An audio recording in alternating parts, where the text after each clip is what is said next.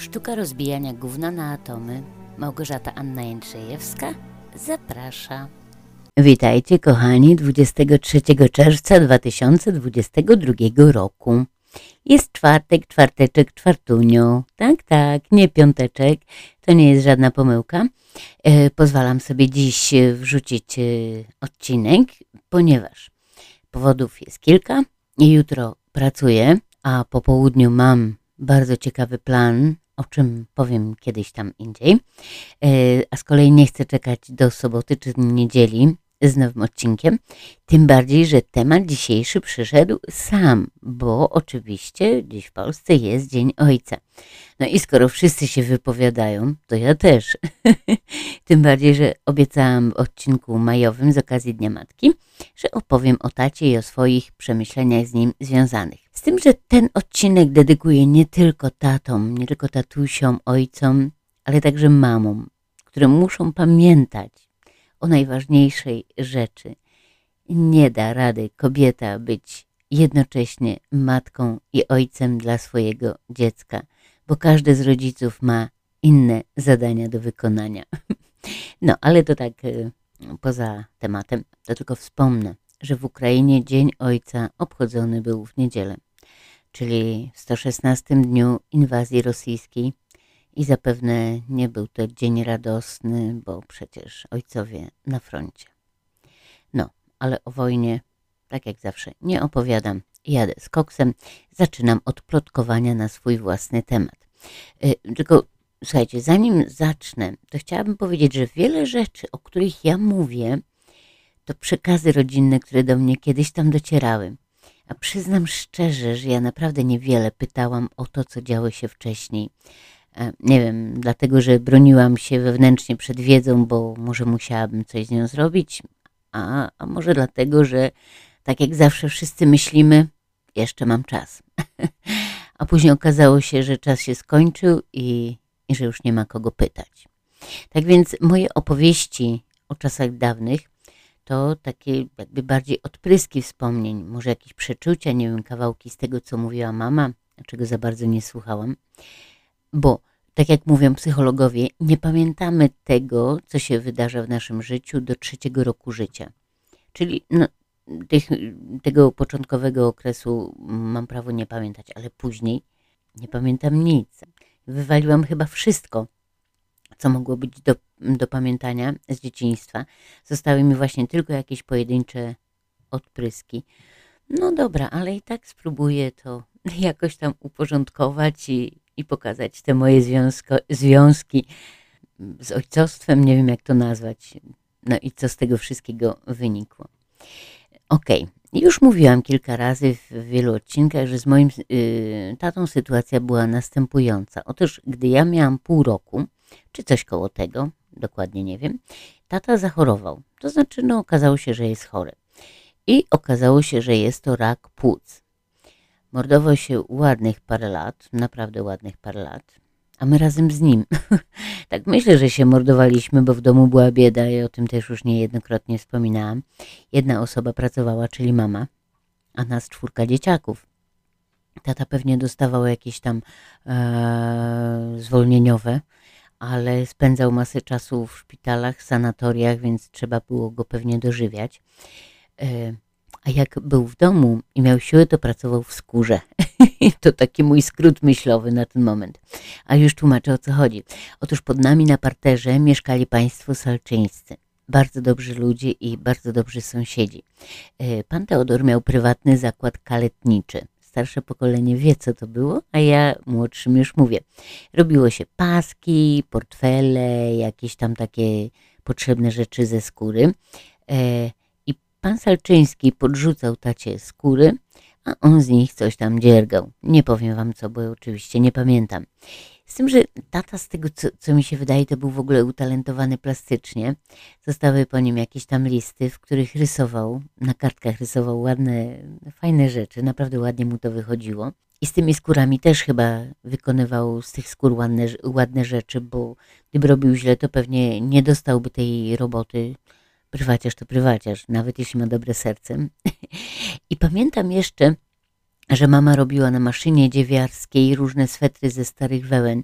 I tak mi się kojarzy, że to właśnie tato jej zrobił takie specjalne drewniane motki do nawijania tej sprutej wełny. A nawet jeśli nie on zrobił, to on to wymyślił po prostu. No, tak mi się wydaje, choć może tutaj już idealizuję wspomnienie e, taty.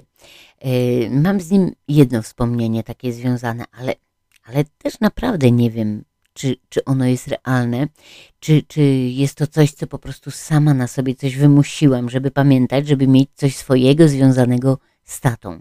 I co to było? To jest taki ułamek wspomnieniowej sekundy. Jest lato, wakacje, a ja podobno często chorowałam właśnie na płuca latem. Wyobrażacie sobie dziecko, które choruje latem na płuca, a później przez ponad 43 lata pali. I kurczę, żyje. Okej, okay, dobra, ale wracam do, do siebie. No i jest właśnie lato, ja jestem chora, leżę w piżamie na wielkim łóżku w pokoju od podwórka. Wielkie okno jest otwarte, no bo gorąco, a ja w tym łóżku, a na zewnątrz na naszym podwórku pełno dzieciaków, bo naprawdę było, zresztą ostatnio opowiadałam o tym, dużo dzieciaków było e, tam w tym moim fertlu. No, a ja się chowam, żeby się nie śmiali ze mnie, bo ja w tej piżamie. a przy stole siedzi tata i coś tam robi z tymi skórami i łyka tabletki. O, i to jest wszystko, całe moje wspomnienie. Całe moje wspomnienie na 9 lat yy, życia yy, wspólnego z rodzicem. Nie mam nic więcej, jeśli chodzi o niego. Żadnych rozmów, żadnych sytuacji, nic, kompletnie nic. No i to jest dziwne, bo powinnam coś tam pamiętać, prawda? A ja nic. Kompletnie, zupełnie jakbym wyrzuciła z pamięci jak kogoś nieważnego, jak, jak jakiś nieważny epizod życiowy. Gdzieś tam jest, ale, ale nikt nie wie gdzie. Dobra, czyli tak, uporządkuję to trochę. Problem z tatą zaczął się w 62 lub 3 czyli wtedy, kiedy ja tam miałam kilka miesięcy, a skończył się w 71, czyli ja miałam wtedy 9 lat. I to był sierpień, byłam miesiąc po urodzinach i pamiętam, że byliśmy na jakimś biwaku, gdy przyjechali państwo włodarscy, znajomi rodziców, nowostawianie znają i nas zabrali. Znaczy nie pamiętam dokładnie, które z nas było na tym biwaku, czy to obóz, w razie byłam ja, nie wiem, kojarzy mi się, że Danuśka, czy kto, którejś ze starszych też nie mam pojęcia, nie pamiętam. No i no, był pogrzeb, więc na pewno przyjechali jacyś tam ludzie. Chyba przyjechała moja chrzestna, czyli siostra taty. Gdzieś tam tylko w zakamarkach pamięci mam to, że ja się nosiłam z cukierkami, czy tam z czekoladą, co było po prostu nie do uwierzenia, tak? Żebym ja miała coś i mogła kogoś tam tym częstować. I to było dla mnie wielkim powodem do dumy, bo bo reszty nie ogarniałam. Chyba sobie nie zdawałam sprawy z tego wszystkiego. No co, tata odszedł. No i przecież i tak go nie było, nie? Nie znałam go. Nie pamiętałam, do tej pory go nie pamiętam. Nie pamiętam, żeby mnie czegokolwiek nauczył. Wszystko, co wiem, to od mamy, nie od ojca. Przynajmniej ja tego nie odrejestrowałam. Bo jedyne, jedyne, czego mnie nauczył i co było chyba najważniejszą lekcją w moim życiu, i najgorszą to to, że można mnie porzucić. Tak, to była chyba najgorsza lekcja, jaką mogłam dostać od jednej z teoretycznie najbliższych osób. Teoretycznie, bo, bo w moim przypadku było to teoretycznie. I wiecie, po tej lekcji, że można mnie porzucić, moje życie potoczyło się jakby zgodnie z takim, takim, takim schematem. Życie osobiste oczywiście, ale muszę Was rozczarować w tym momencie. Nie będę opowiadać o moim życiu miłosnym. Mój ekshibicjonizm też ma swoje granice, a panowie, o których mogłabym opowiadać, żyją i nie wiem, czy chcieliby takich opowieści. Oczywiście żartuję. Tych panów aż tak wielu nie było, ale opowiadać nie będę, bo nie o to chodzi w tym, co mówię. Chodzi o coś innego. Chodzi o to, że ja na własnej skórze przeżyłam odejście ojca, opuszczenie przez niego, zdradę. Nie wiem, jak mogłabym to jeszcze nazwać, ale dla dziewczynki takie zostawienie przez ojca to jest, to jest cholerna trauma. I tak sobie myślę o wszystkich tatusiach dzisiejszych, których znam. Chłopaki, panowie, jakkolwiek do was powiedzieć, Wy sobie nawet nie zdajecie sprawy, kim jesteście dla tych swoich córek, i jak naznaczacie ich życie.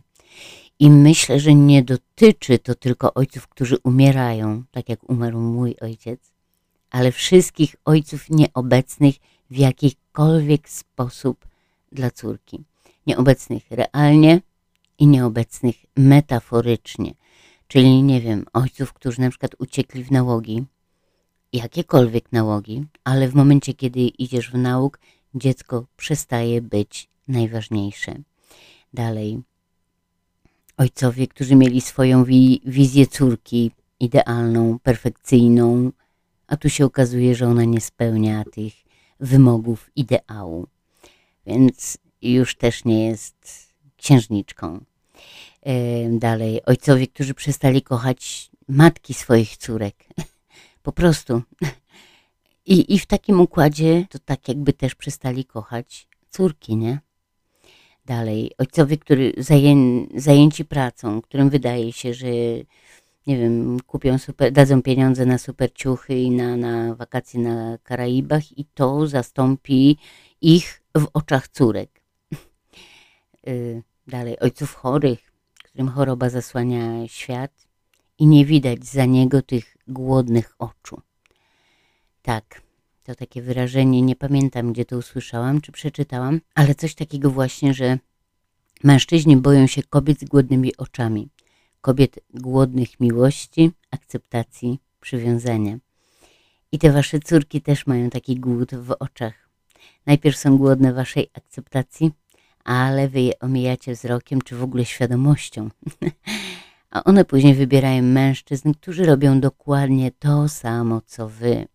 Czyli mówią, jesteś głupia, nie dasz rady, zostaw to nie dla ciebie, złość piękności szkodzi, dziewczynki się nie złoszczą, bardzo brzydko się zachowałaś, przeproś, jesteś niegrzeczna, jesteś do niczego, zajmij się tym, zrób to, zrób tamto, dziewczyny są od kuchni, ty masz tylko dobrze wyjść za mąż i tak dalej, i tak dalej.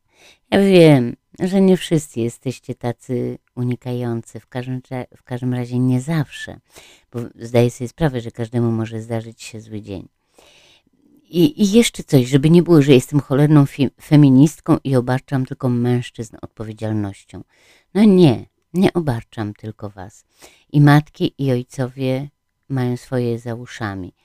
E, o matkach y, mówiłam już miesiąc temu, a teraz mówię o ojcach dlatego, że znam problem z autopsji, po prostu ze swojego życia.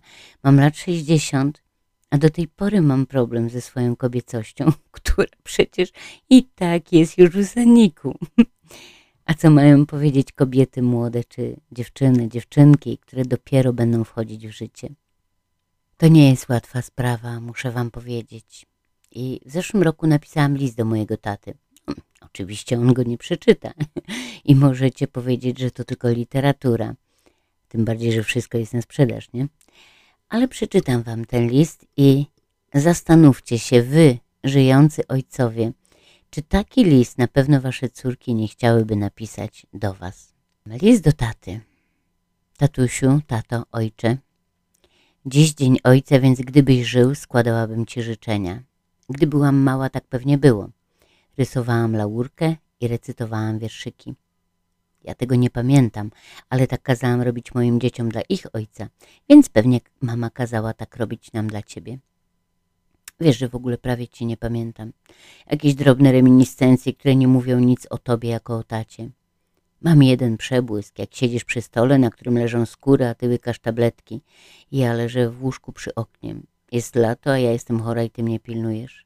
Na podwórku dzieciaki, a ja się chowam, bo jestem w piżamie. Nie wiem, na ile prawdziwe jest to wspomnienie, czy to po prostu efekt opowieści mamy. Napisałam o tym opowiadanie, to znaczy o sobie, a ty jesteś jedną z części mojego życia. Szkoda tylko, że tak mało znaną. Umarłeś, gdy miałam dziewięć lat. Nie wiem, co nauczyłeś mnie ty, a co mama. Nie byłam twoją księżniczką nie pokazałeś mi, jakiego powinnam szukać partnera. Zostawiłeś mi tylko w pozagu informację, że ode mnie się odchodzi, że można mnie zostawić i przestać kochać. To oczywiście nieprawda, ale małe dziecko tak myśli i to zostaje w pamięci. Hm, ty chyba nie chciałeś mnie zostawić, nie chciałeś umrzeć. Choć może tak było. Chorowałeś wiele lat, męczyłeś się. Śmierć pewnie była wybawieniem.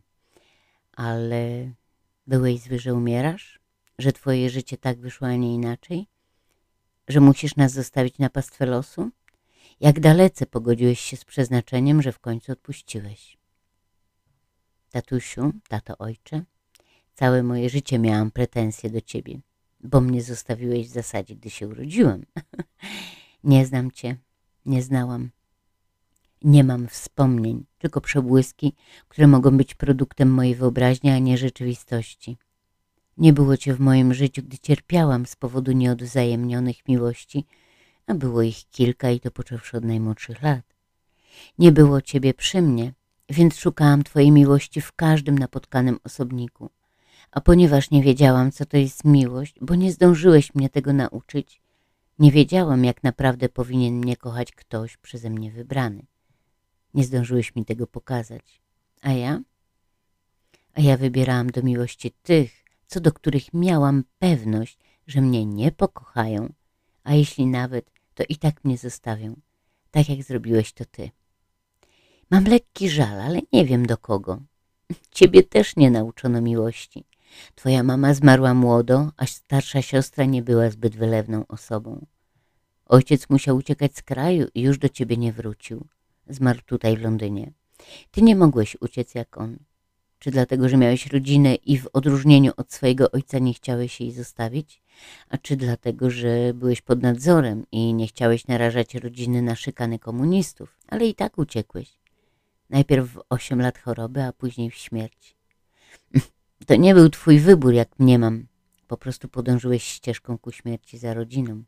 Tatusiu, tata ojcze, piszę do ciebie w trzech formach, ale pewnie mówiłam tatusiu. Dziś twój dzień. Dzień ojca, bo choć byłeś nim dla mnie zbyt krótko, to byłeś. Nie wiem, czy cię kocham, bo czy można kochać tylko wspomnienie, wyobrażenie, tęsknotę? Nie wiem, ale to nieważne, to już przeszłość. Życzę ci w twoim dniu ojca, żebyś znalazł ukojenie i spokój gdziekolwiek i kimkolwiek jesteś. I mam nadzieję, że kiedyś gdzieś tam w innym świecie się spotkamy, a wtedy ty mi opowiesz o sobie, ja ci opowiem o sobie i w końcu się poznamy. A teraz żegnaj. Twoja najmłodsza córka Małgosia. Uch, okej, okay, udało się. Nie popłakałam się, choć było blisko. Wiecie, wzruszają mnie takie teksty, a ponieważ to pisałam rok temu, zdążyłam zapomnieć, co napisałam, i, więc to tak jakby już tekst obcy dla mnie, także wzruszający. Ale do brzegu, bo powoli będę kończyć swoje wspomnienia. Panowie, spróbujcie się zastanowić, czy w moim liście nie ma elementów, które wasze córki mogłyby powiedzieć do was. Na przykład zdania nie było cię w moim życiu, albo może mnie zostawić i przestać kochać. Od tych zdań, od tego typu zdań zaczyna się życie i na takich zdaniach może się skończyć. Ale chciałabym też powiedzieć coś do ciebie, moja kochana dziewczyno czy kobieto, bez względu na to, ile masz lat, gdzie pracujesz i w ogóle kim się czujesz. ja wiem, że to jest trudne dojść do tego, skąd się wzięły nasze problemy ze związkami. Tym bardziej, jeśli tata jest jeszcze obok i już aż tak bardzo nie wyśmiewa, aż tak bardzo nie dokucza. Czasem tylko ubolewa, że nie umiesz ułożyć sobie życia. Ale można do tego dojść i trzeba. I warto, bo to naprawdę pozwala się pozbierać. I bez względu na to, ile masz lat. Jestem przykładem tego. A ten mój list do taty wrzucę w formie pisemnej na fejsie. Może będziesz chciała go przerobić i wykorzystać, wysłać do twojego taty. I może twój tato zrozumie, że potrzebujesz jego prawdziwej, prawdziwej miłości i akceptacji, żeby po poczuć się naprawdę prawdziwą, kochaną kobietą. Dobra, starczy, bo zaczynam się za bardzo wzruszać. Jeśli ktoś z Was chciałby porozmawiać o tym czy o czymś innym, zapraszam. Messenger na fejsie czy, czy napisać na maila, podam go w opisie odcinka, bo czasami potrzebujemy powiedzieć na głos, żeby usłyszeć samych siebie.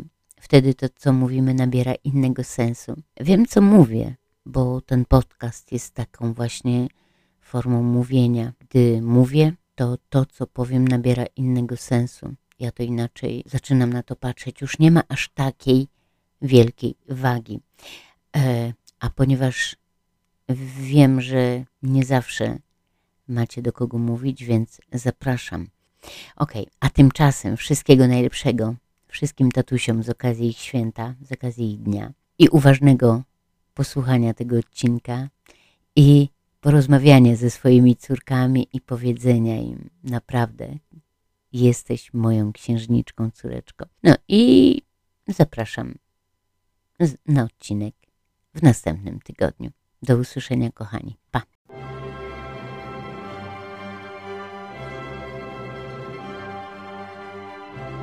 Lubisz mój podcast? Udostępnij. Może ktoś inny też go polubi.